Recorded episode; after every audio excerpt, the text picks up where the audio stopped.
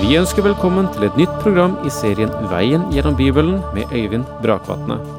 Denne studieserien er produsert av P7 Kristen Riksradio og bygger på serien Through the Bible av Vernon McGee. I dag fortsetter vi med Johannes' åpenbaring.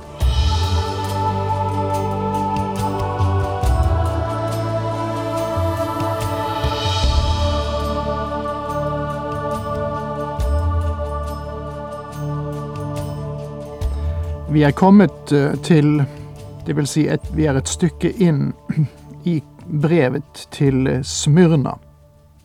Det er den andre menigheten av de syv som, det, som Herren sender brev til via Johannes i kapittel to og tre i åpenbaringsboken.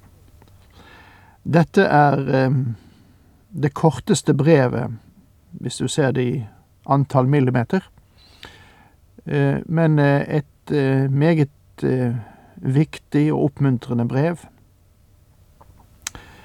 Eh, For denne menigheten er det ikke noen kritiske merknader eller noen refsende ord.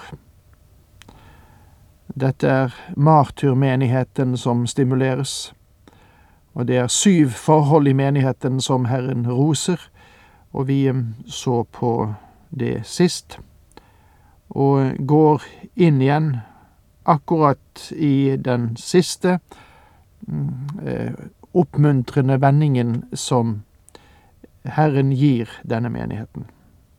Og det er egentlig en appell. Det er en appell om å fortsette slik de nå holder frem. Og um, her står 'vær tro til døden'. Det er det tiende vers i Åpenbaringen to. Og de var det. De ble martyrer. Og så lover han dem livets krone. Og det er ingen krone som forgår, men en krone som, som blir til evig tid. Livets krone. Nå får vi vel si her at Herren har en spesiell krone for dem som lider. Og jeg kjenner en rekke av de hellige som kommer til å motta denne kronen en dag. Min venn, om du lider for ham i denne stund, og du undrer deg om han bryr seg, så vit at han har lagt noe ferdig for deg som evigheten skal åpenbare.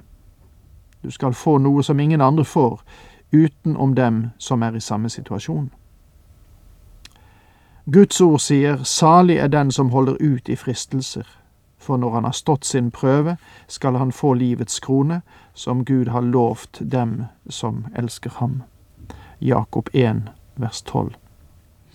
Denne livets krone betyr at du en dag i sannhet skal få kjenne livet utfolde seg. Så det er et eh, herlig perspektiv her for dem som synes at lidelsen så langt har vært deres lodd.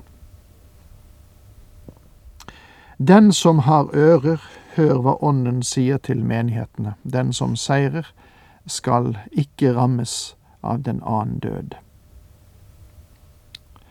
Den som har ører, hør hva Ånden sier til menighetene. Og vi kan stille hverandre enkle spørsmål. Har du hørt ham i dag? Taler han til deg? Ja, svaret må vi gi hver for oss. Den annen død, sto det her i det ellevte verset. Var det ikke Moody som formulerte det slik, den som blir født én gang, vil dø to ganger. Den som blir født to ganger, vil dø én gang. Og om bortrykkelsen kommer i hans levetid, vil han ikke smake døden i hele tatt. Den andød er døden som ingen troende vil erfare. Den første død dreier seg om legeme, den andre død har å gjøre med sjel og ånd. Det er den evige atskillelse fra Gud.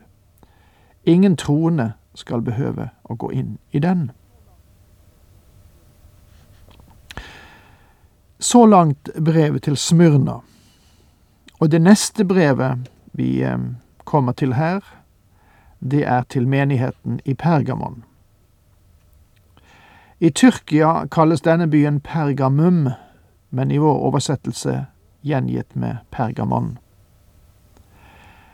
Menigheten i Pergamon er representativ for kirkehistorien i en periode fra omkring år 314 til år 590.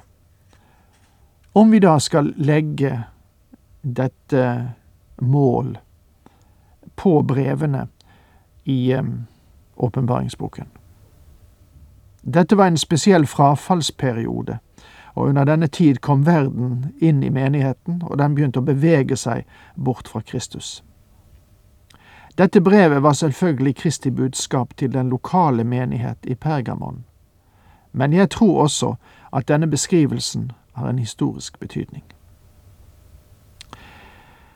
La oss først plassere Pergamon. Turistene kommer vanligvis inn til den store byen Izmir. Der er en flyplass, og der er hoteller. Og så drar du ca. ti mil syd for å komme til Efesos, og ca. tolv mil nordover for å komme til Pergamon. Disse tre byene var kongelige byer, og de samspilte med hverandre. Smyrna, som nå heter Izmir, var det store handelssentrum. Efesos var det store politiske sentrum, og Pergamon var det store religiøse sentrum. Pergamon var hovedstad i kongeriket med samme navn. Du kan fremdeles se byens akropolis, og ruinene av eh, templene møter du på toppen. Det var en by i Mysia, beskrevet av eh, Plinus som vak det vakreste sted i Asia. Det var en by som virkelig fortjente navnet en kongelig by. I denne byen fantes det et tempel bygget til ære for keiser Augustus, som også gjorde den til en by med spesielle privilegier. Augustus kom og bosatte seg i dette området da det ble kaldt i Rom. Når liksom vinteren satte inn, da flyttet han seg, forflyttet han seg til Pergamon. Pergamon ble aldri et kommersielt senter slik Smyrna var det, fordi den ikke lå ved kysten, og den lå samtidig et stykke fra de store handelsveiene fra Orienten. Men det var en by som var vel rustet til å stå seg mot fiender. Den var bygd på et fjell, og Akropolis dominerte hele området med høysletten Kaikus. Den opprinnelige byen ble bygd mellom de to elvene som strømmer inn i Kaikus og omga dette mektige fjellandskapet. Når du besøker denne ruinbyen, så ser du først dette store fjellet som reiser seg, og ruinene som ligger på toppen av det. Pergamon kunne ikke bare skryte av mektige templer, men den hadde også det største bibliotek i den hedenske verden. Det var et bibliotek som inneholdt mer enn 200 000 bind. Faktisk fikk byen navnet sitt fra pergament, pergamenta, som ble brukt. Dette store biblioteket som Antonius skjenket til sin elskede Kleopatra. Hun fikk skipet hele biblioteket til Alexandria i Egypt, og det biblioteket ble ansett å være det største bibliotek verden noensinne har sett. Men husk, det hadde sin opprinnelse i Pergamon. Om du noensinne kommer til eh, Istanbul og går inn i Hagia Sofia, så vil du der se en stor alabasterkrukke, så stor som en gjennomsnittlig mannshøyde og meget vakker. Den ble en gang røvet fra Pergamon, der fienden ribbet denne byen for alt en verdi og senere ødela den. Skriv til engelen for menigheten i Pergamon, dette sier han som har det skarpe, tveeggede sverd. Som de tidligere to brevene ble dette også adressert til engelen for menigheten, som antagelig er synonymt med den som var menighetens leder. Dette sier han som har det skarpe, tveeggede sverd, betyr Guds ord. Det er Han som, som er Ordet, Det er Han som er ordets liv, og det er Han som er ordets autoritet. Guds ord har svaret på menneskers behov og menneskers synd, som i Pergamon var falsk religion. Det var en by som understreket religionens betydning, og den eneste veien inn til folkets hjerter ville være ved Guds ord. Jeg vet hvor du bor, der hvor Satan har sin trone. Likevel holder du fast ved mitt navn, og du har ikke fornektet troen på meg, ikke engang i de dager da Antipas, mitt trofaste vitne, ble slått i hjel i byen deres, der Satan bor.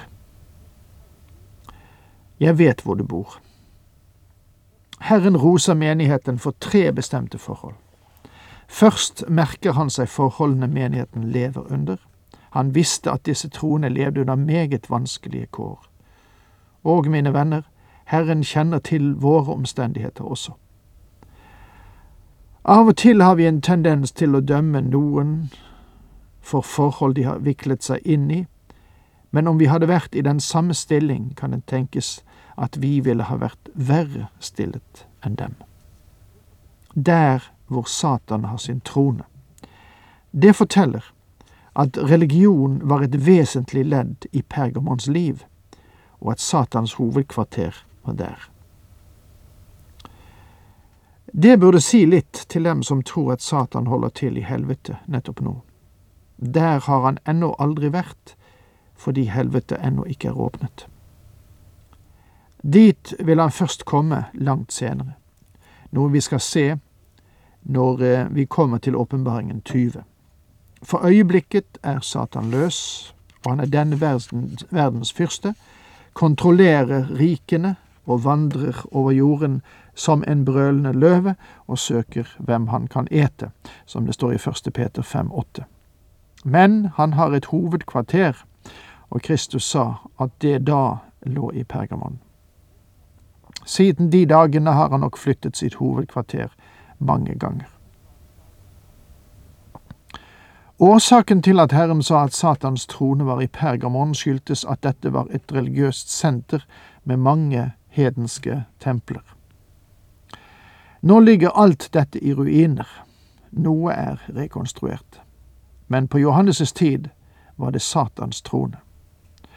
Når du kommer inn gjennom den gamle byporten, er det første tempelet til høyre det imponerende tempelet for Athena. Rett over det er det store biblioteket, og her kan du se keiser Augustus' store tempel og Hadrians store tempel. Her finner vi også det store tempelet til Sevs eh, nær keiserens slott. Det er en imponerende sak, og noen tror at dette var innviet som Satans trone. Det er kanskje mulig, men jeg tror vel at Satans trone er en kombinasjon av alt dette. Og med det må jeg si takk for nå, mine venner. Herren med deg.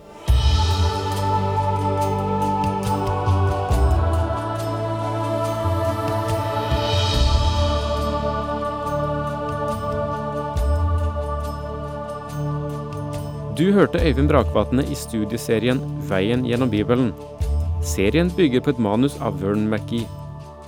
Har du spørsmål eller kommentarer til programmet, kan du sende en e-post til vgb krøllalfa p7.no. Takk for i dag, og på gjenhør.